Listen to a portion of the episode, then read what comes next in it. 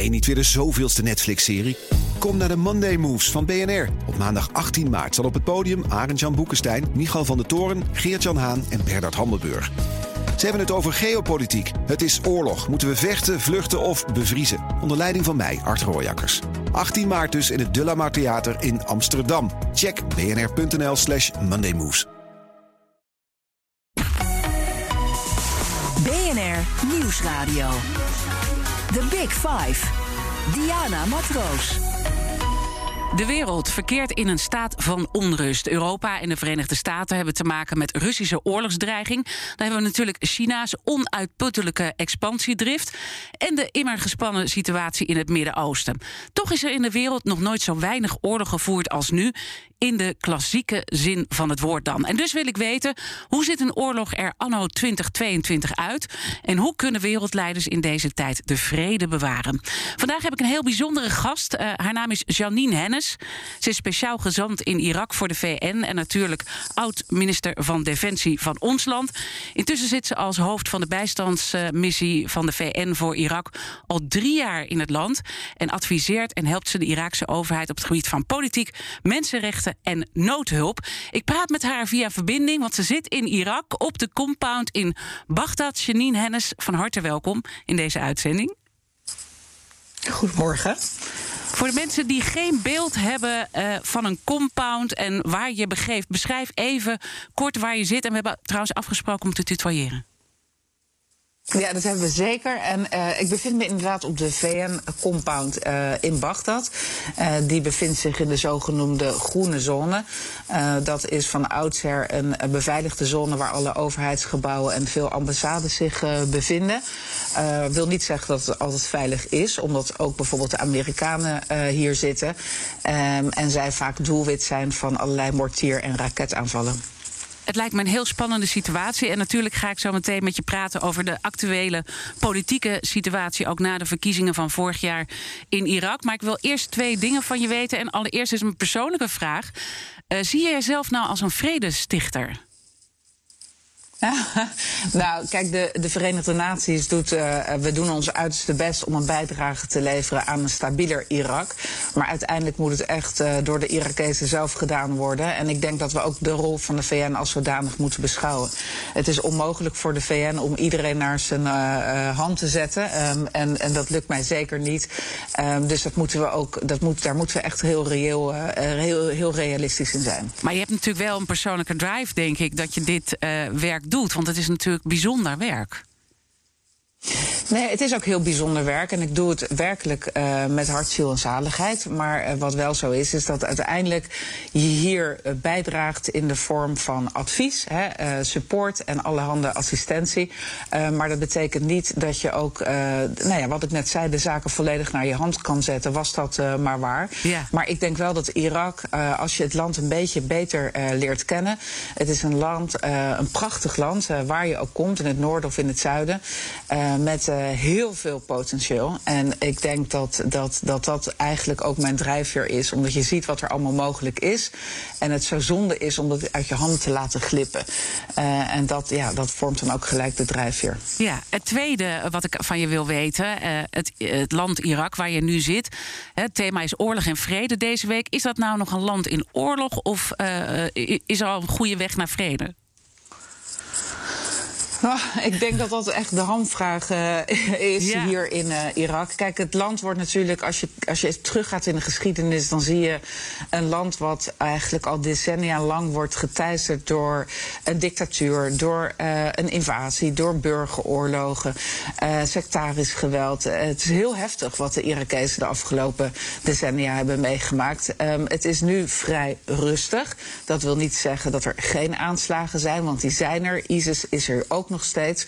Um, uh, de spanningen lopen soms hoog op. En wat ik aan het begin van de uitzending al zei, ook hier um, in de zogenoemde beveiligde zone hebben we toch met enige regelmaat een inkomende mortier of uh, raket.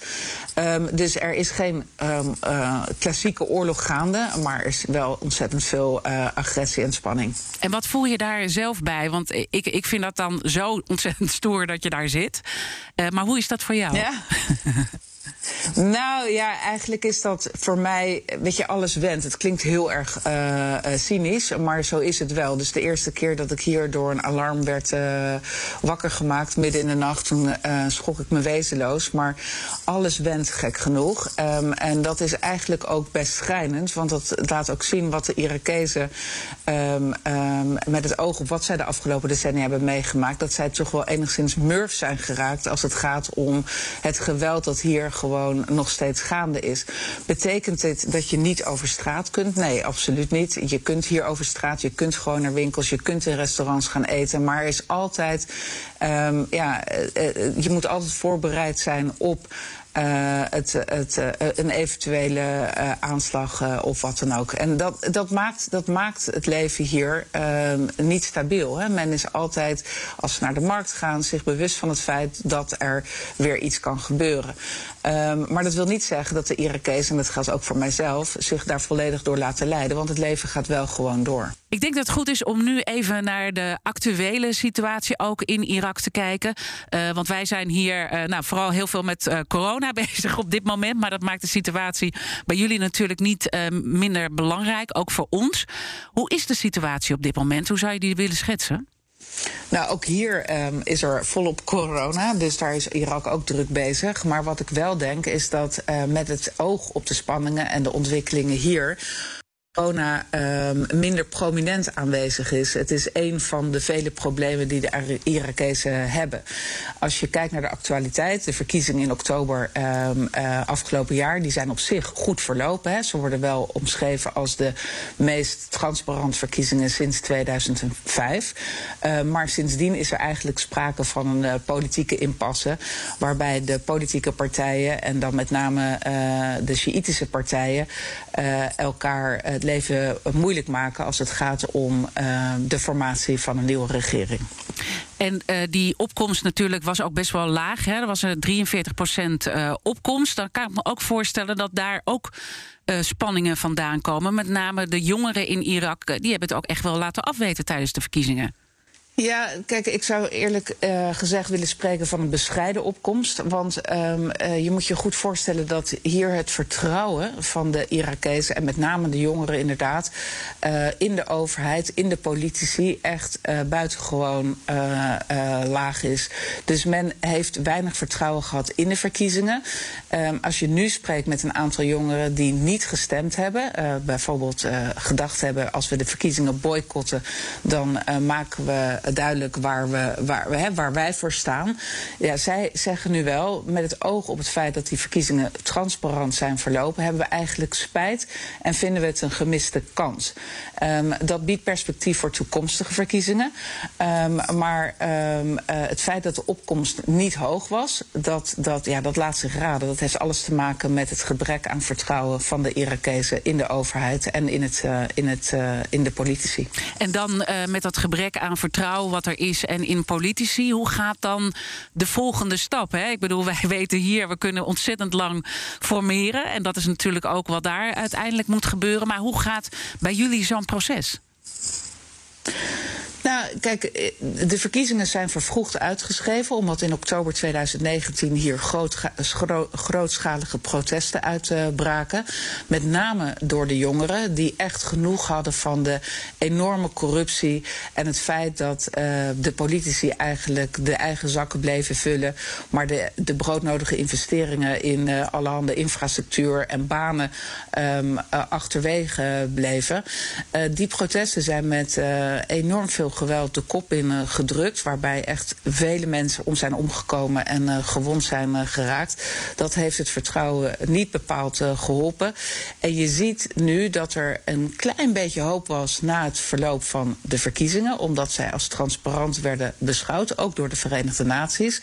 Maar nu met weer het enorme dralen en vertragen van het formatieproces... zie je ook dat het ongeduld weer groeit. En als dit maar lang genoeg duurt en de politici blijven focussen op posities en op functies en op het, wie het grootste stukje van de taart krijgt, ja, dan zal je zien dat hier vroeg of laat natuurlijk het ongeduld weer uitgroeit tot protesten. En daar hou ik me eigenlijk mijn hart een beetje voor vast. Want als dat weer grootschalig van start gaat, dan vrees ik dat er weer veel geweld bij komt kijken. En, en het zal natuurlijk ook, los van het geweld, zal dat ook weer impact hebben voor het verdere proces.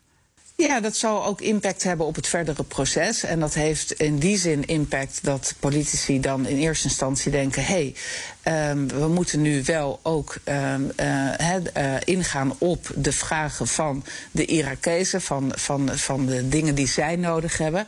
Uh, maar dat is meestal van korte duur. En dan gaat het alweer snel over andere zaken.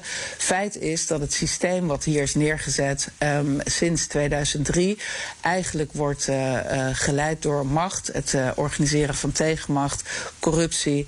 Uh, en dat soort zaken. En dus is er weinig oog voor ja, de behoeften van de Irakezen zelf. En dat bestaat uit uh, publieke dienstverlening. Uh, bijvoorbeeld het hebben van elektriciteit die niet tien keer per dag uitvalt. bijvoorbeeld het hebben van voldoende drinkwater. dat soort zaken. Het zijn hele simpele basisbehoeften waar we het over hebben. en, onvoldoende, en daar wordt onvoldoende op geleverd door de Iraakse overheid. The Big Five. BNR Nieuwsradio. Diana Matroos. Mijn gast is Janine Hennis, speciaal VN-gezant in Irak. Je omschrijft echt een uh, hele ingewikkelde, complexe situatie. En daarbinnen moet jij natuurlijk uh, advies geven en praat je ook met heel veel mensen. Hoe pak je dat aan? Nou ja, ja, het is inderdaad een hele complexe situatie. We gaan er nu natuurlijk uh, met grote stappen doorheen. En nu gaan, hebben we het vooral over een, uh, een conflict tussen generaties. Hè. Dus het, het uh, huidige leiderschap of de politici die op dit moment het land leiden. En de jongeren die uiteraard verbonden door internet ook zien hoe het elders kan.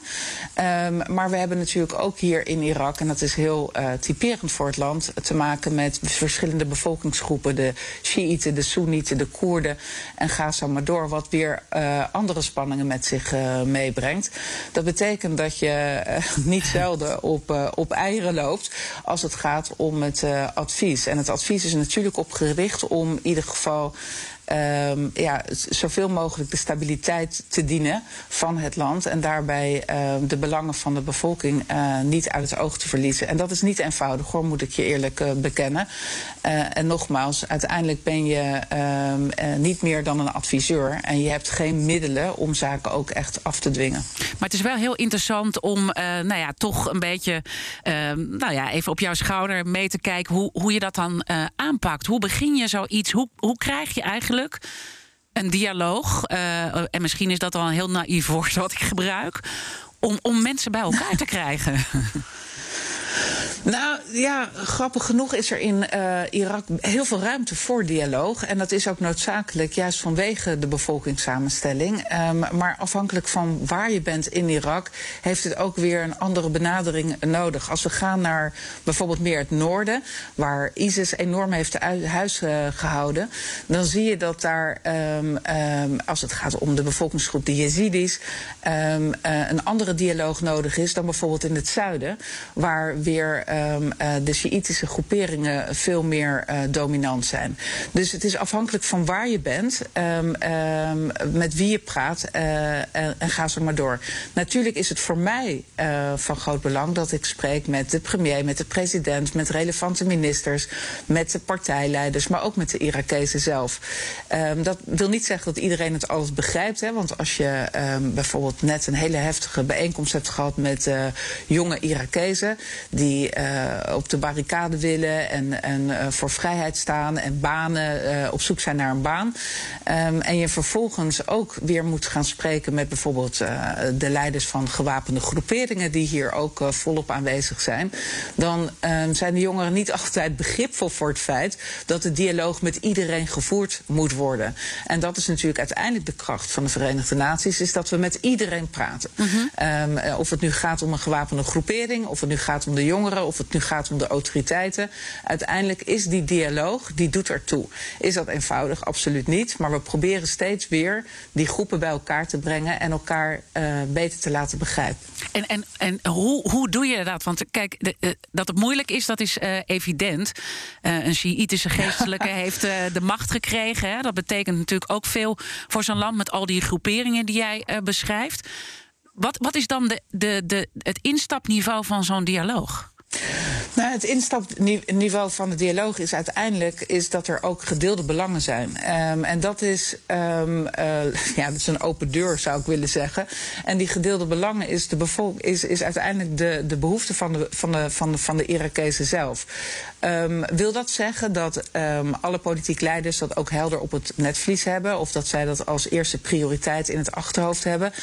Uh, nee, uh, en dat maakt het ook steeds weer uh, een, een, uitdaging. En dat betekent ook dat als ik bijvoorbeeld spreek met leiders van politieke partijen of met de autoriteiten, dat ik steeds weer um, duidelijk moet maken: uiteindelijk gaat het om de basisbehoeften, de publieke dienstverlening, om banen, om een veilige omgeving. En niet zozeer of de ene partij het grootste stukje van de taart krijgt, of een bepaalde positie bemachtigt. Of eh, ga zo maar door. En dat, is, dat klinkt heel simpel. Um, uh, dat is het in de praktijk overigens niet. Maar mm -hmm. dat zijn wel de gesprekken waar je aan moet denken. En uh, accepteren is het altijd van een vrouw? Ja, grappig genoeg. Eh, toen ik hierheen ging, werd er vaak tegen mij gezegd: uh, je zult het moeilijk krijgen. Uh, ja. Zeker als het gaat om de geestelijk leiders van, uh, van Irak. Zij zullen niet accepteren dat er een vrouwelijke vertegenwoordiger van de Verenigde Naties zit. Nou, niets is minder waar. Het gaat echt om de positie. En niet zozeer om, om het feit dat ik een vrouwtje ben in plaats van een mannetje. dus nee, ik heb daar op, echt op geen enkel moment last van gehad. Hier en daar in wat propaganda van, van gewapende groeperingen die uh, vinden het dan wel nodig om het, om het vrouw zijn te benadrukken. Of dan hebben ze het over die, uh, die oude vrouw. Of uh, nou, dat zullen ze over een, een, een mannelijke collega nooit zo zeggen. Um, maar dat, dat, weet je, dat hoort er allemaal bij. Dat is het spel dat wat we overal zien, hè? natuurlijk ook in Nederland. Ja, ik wou het zeggen. Ik wou het zeggen. Dus dat is, nee, maar Nee, nee, dus ik heb hier echt op geen enkel moment last gehad van het feit dat ik een vrouw ben. Alle deuren gaan open en het heeft vooral te maken met de positie die je bekleedt. Ik denk ook dat, het, uh, uh, dat je in zo'n positie ook, uh, je zegt het is belangrijk om met iedereen te praten, met iedereen de dialoog aan te gaan. En daar zitten natuurlijk ook nou, groeperingen tussen waar, waar, waar je eigenlijk vanuit misschien je, je, je, je basale denken niet mee te maken wil hebben. Dat lijkt me ook, daar moet je wel overheen stappen. Ja, daar moet je zeker overheen stappen. Maar je moet je ook verdiepen in waar die groeperingen vandaan uh, komen. En wat de ontstaansgeschiedenis daarvan is. Um, ik denk dat het te makkelijk is om te zeggen dat iedereen, hè, bijvoorbeeld een, een gewapende groepering, hier per definitie um, het slecht voor heeft met de Irakezen zelf. Want zij hebben een hele andere overtuiging. En voordat je um, uh, daarop reageert, zal je toch echt moeten verdiepen. Bijvoorbeeld het feit dat ik heb gesproken met uh, met, uh, met een leider van een gewapende groepering. En die um, is, is toen de tijd in opstand gekomen tegen Saddam Hussein. Is volledig gevormd uh, door, door partijen in, in Teheran. En dat is zijn, zijn overtuiging, zijn wereldbeeld. Dat, dat, dan, dan moet, dat moet je wel begrijpen, want anders is er het, het gesprek niet mogelijk. Hè? Dus je kunt mm -hmm. iemand niet afserveren op bepaalde denkbeelden.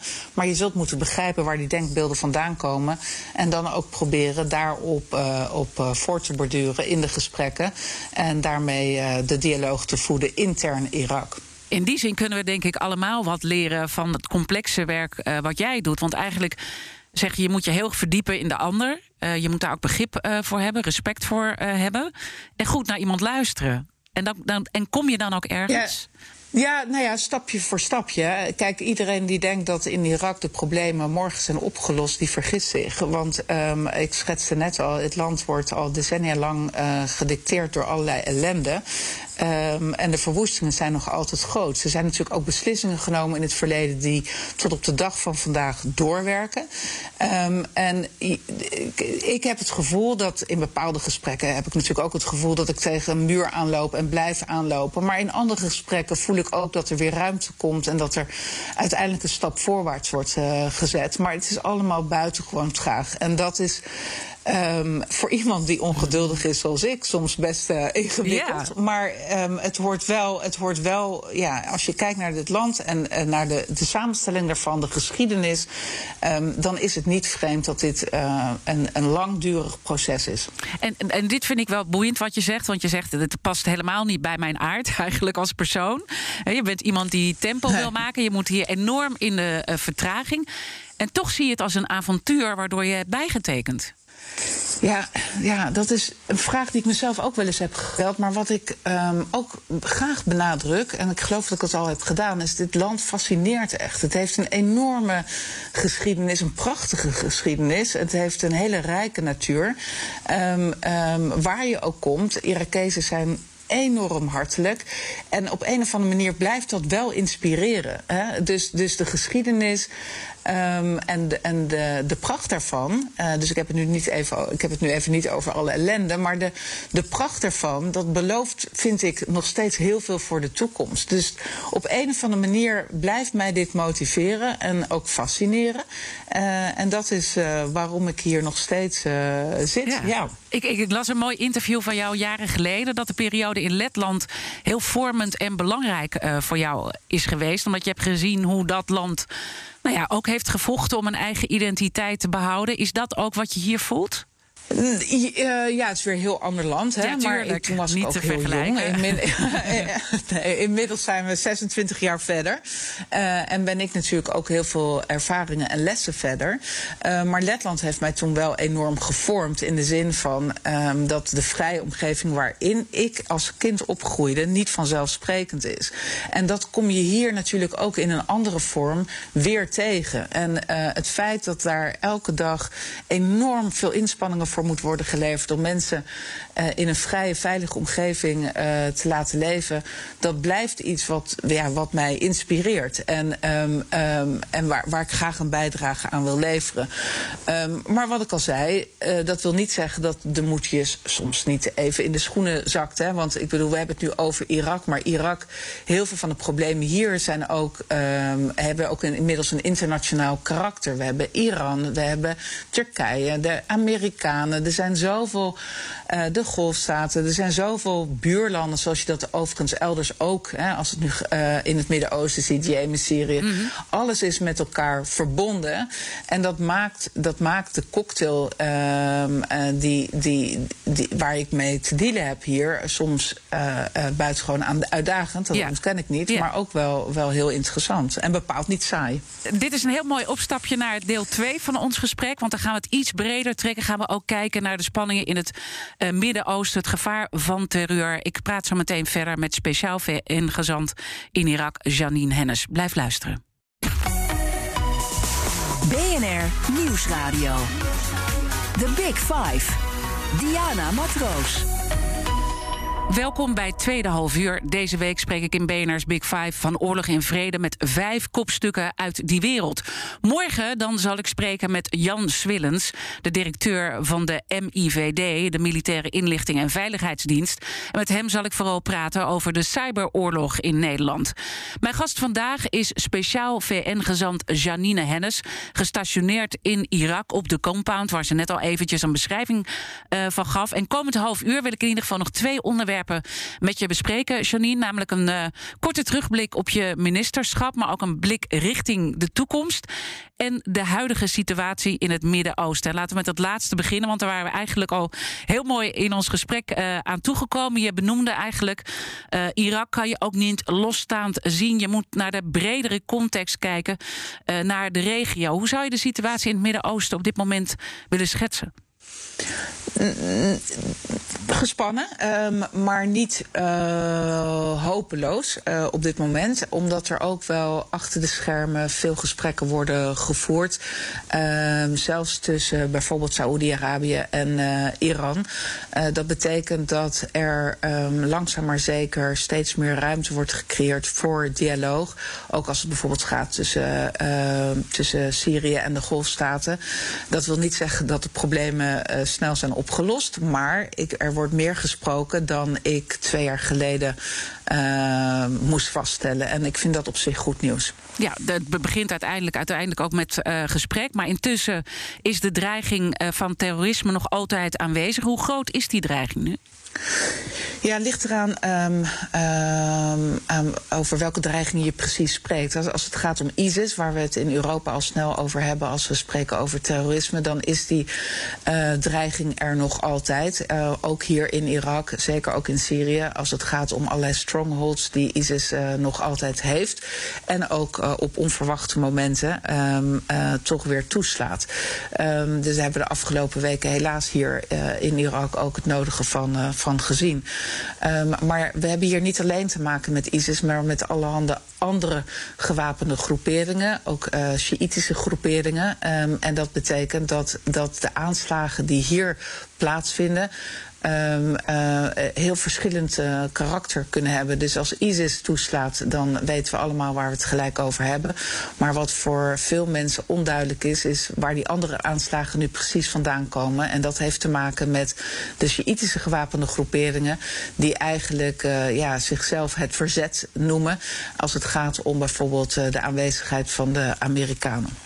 Uh, gisteren sprak ik met Arend Jan Boekenstein en hij uh, agendeerde ook een heel boeiend punt. Dat het eigenlijk nu, als je kijkt naar het thema oorlog en vrede, vroeger wist je veel beter uh, wat er allemaal speelde en hoe diplomatiek ook de zaken werden gespeeld. En dat, dat, dat spel is veel ingewikkelder geworden, zo schetste hij het. En eigenlijk proberen mensen wel met elkaar te praten, maar is dat gesprek veel moeilijker geworden. Constateer jij dat ook? Nou, wat ik vooral constateer is dat de problemen uh, zich niet beperken tot een bepaald land, maar dat die per definitie grensoverschrijdend zijn. En um, wat ik net al uh, min of meer aangaf, dat, dat, dat, dat de problemen in het Midden-Oosten ook allemaal met elkaar verbonden zijn. Of het nu gaat om Libanon, Syrië, Jemen, uh, Irak en ga zo, ga zo maar door. Ik denk dat hij een heel terecht punt aanhaalt als het gaat om de, de zogenoemde grootmachten, hè, China, Amerika, Rusland. Um, maar hier in de regio uh, zie je dat er heel veel te maken heeft um, met het uh, behouden van een machtspositie of het uh, verder uitbouwen van een bepaalde machtspositie. Um, dat is dus niet zo anders dan de grootmachten, maar mm -hmm. dat zie je dan hier op, ja, meer op regionaal niveau terugkomen. en, en er zijn natuurlijk ook landen, bijvoorbeeld Turkije, die, die echt nog heel duidelijk een ambitie hebben als het gaat om het uh, verder ja, te, het vergroten van de invloed die ze hebben hier in de regio.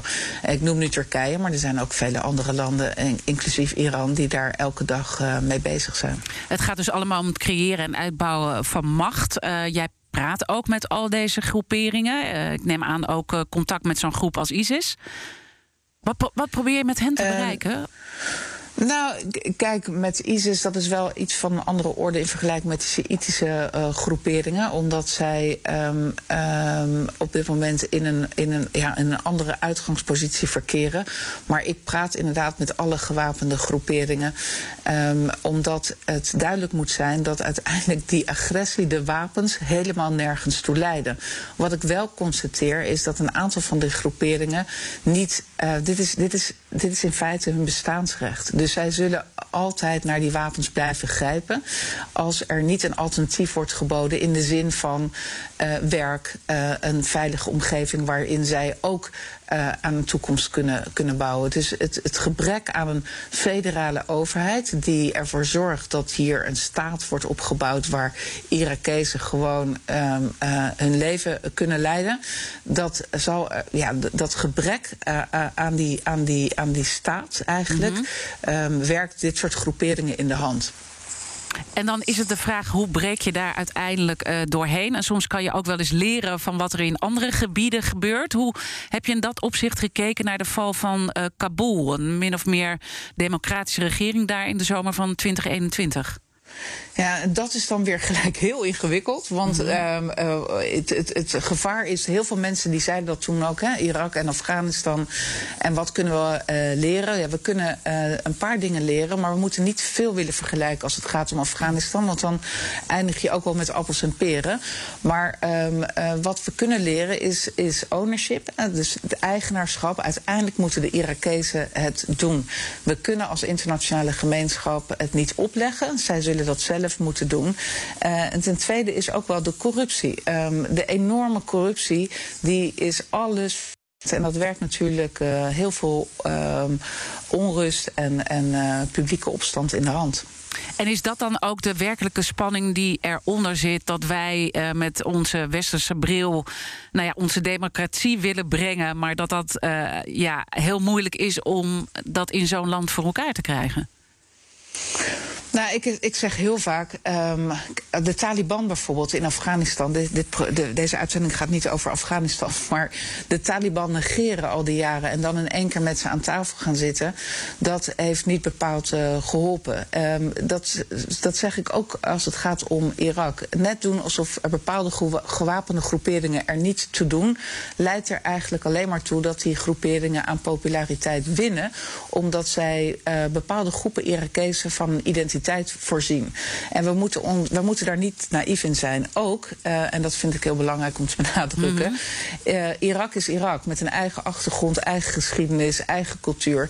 En dat betekent dat dit niet Zwitserland, Nederland of Zweden is en ook nooit zal worden. Dus we, we moeten wel oppassen om niet met een te westerse bril hier allerlei uh, projecten te willen implementeren. En dan ook te denken dat het land vanzelf wel à la Zweden, Zwitserland of Nederland zich gaat ontwikkelen. Dus zo werkt het gewoon niet en zo zal het ook niet werken. Nee, want wat uh, Arend Jan Boekenstein, uh, waarmee ik dus gisteren sprak, die zei: 20% van de staten in de wereld is op dit moment nog maar uh, democratisch.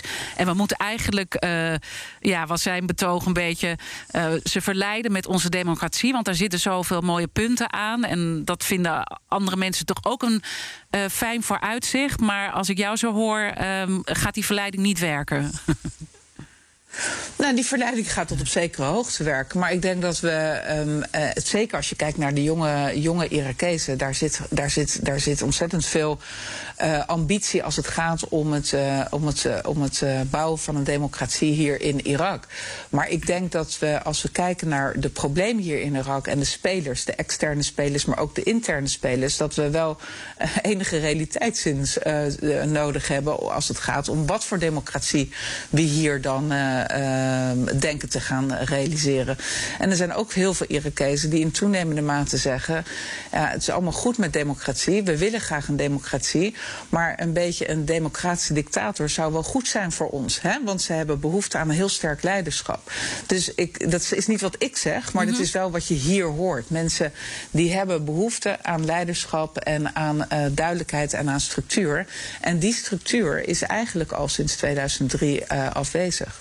Intussen heeft het Midden-Oosten natuurlijk uh, ontzettend veel moeten ondergaan. Die war on terror, die natuurlijk uiteindelijk allemaal is begonnen uh, met de aanslagen 9-11. Uh, als je dan kijkt naar, naar, naar wat er allemaal is gedaan en de miljarden die verbrand zijn en de burgerdoden die het allemaal heeft gekost, was het het allemaal waard als, als we kijken wat er nu is bereikt?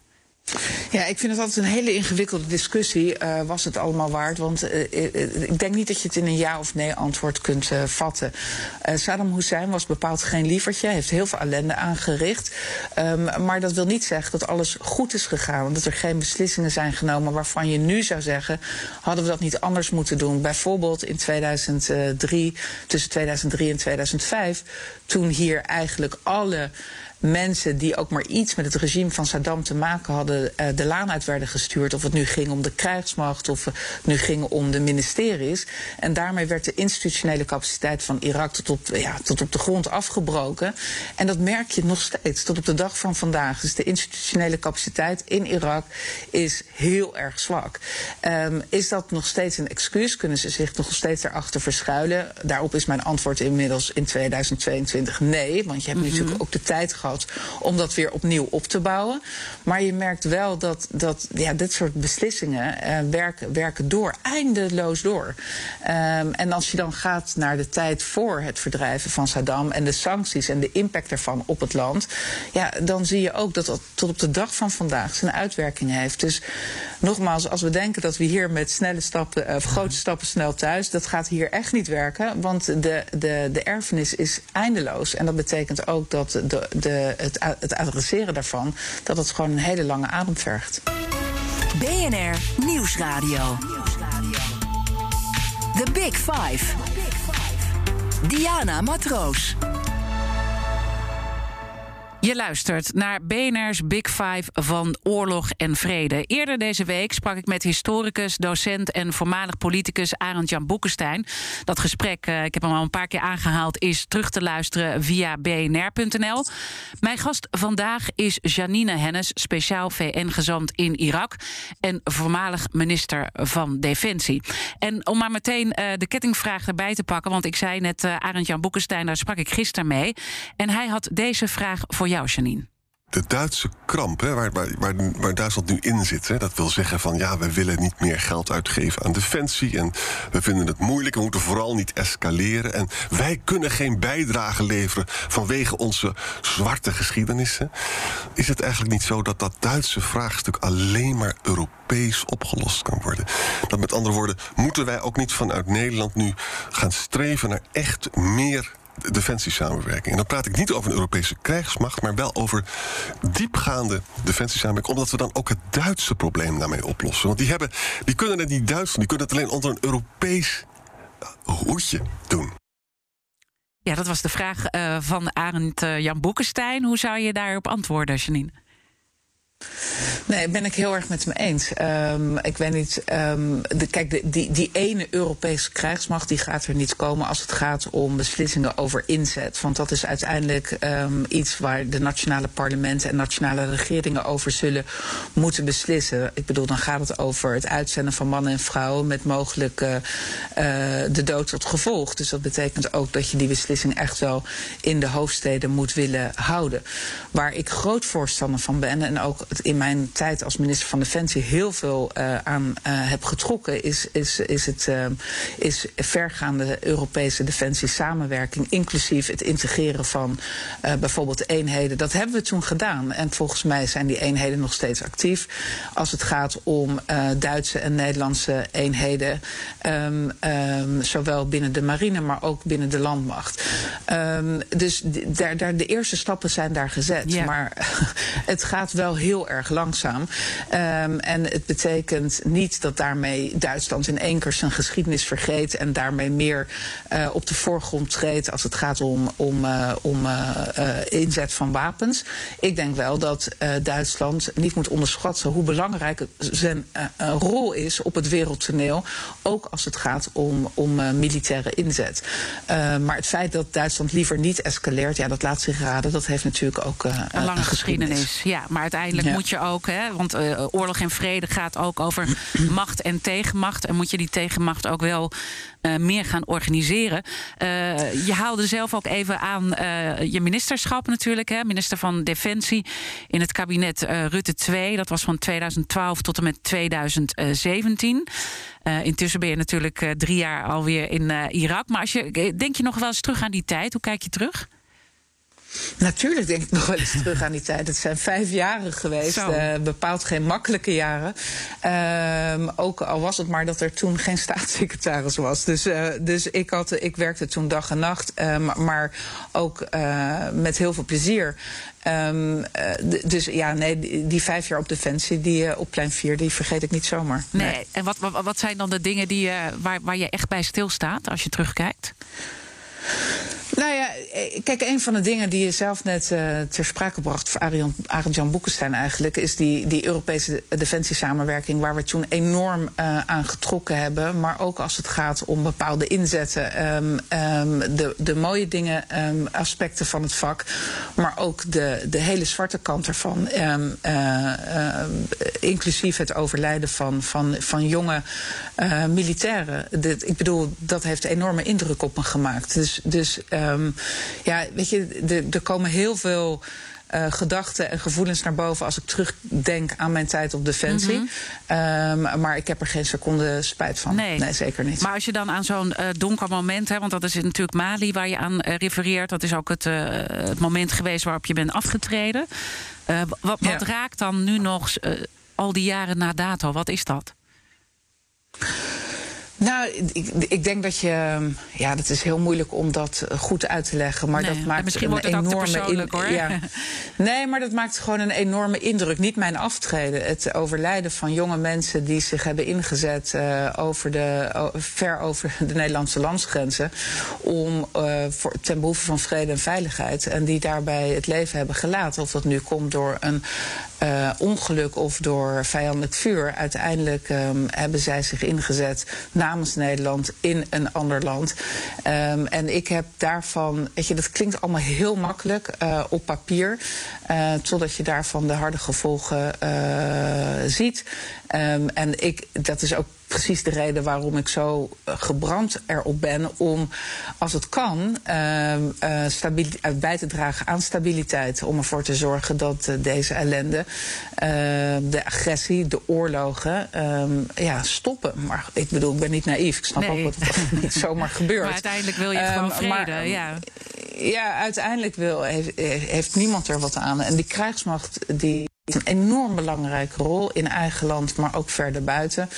Um, en dat, dat is iets wat je nou, nogmaals op papier uh, makkelijk leest, maar in de praktijk uh, zie je wat dat doet en wat het ook met nabestaanden en families doet. Het, mm -hmm. het is heel, heel indrukwekkend geweest. Ja. En een andere zwarte bladzijde is natuurlijk de luchtaanval op Hawija geweest in 2015, waarbij ruim 70 burgerdoden vielen en circa 100 gewonden. Hoe kijk je daarop terug? Had de, had de regering hier in Nederland veel eerder betrokkenheid moeten erkennen? Voor mij is het uh, uh, heel verleidelijk om nu uh, heel direct te reageren op, op Hawija. maar ik weet ook dat er in Nederland allerhande onderzoeken lopen, inclusief de commissie Zorgdragen, als ik me niet vergis. Um, wat natuurlijk wel zo is, is dat er al de nodige informatie is. En dat er ook ongeveer wel duidelijk is wat er zich heeft afgespeeld. Overigens niet alleen in Hawija, terwijl Nederlandse F-16's in de lucht waren, maar ook elders.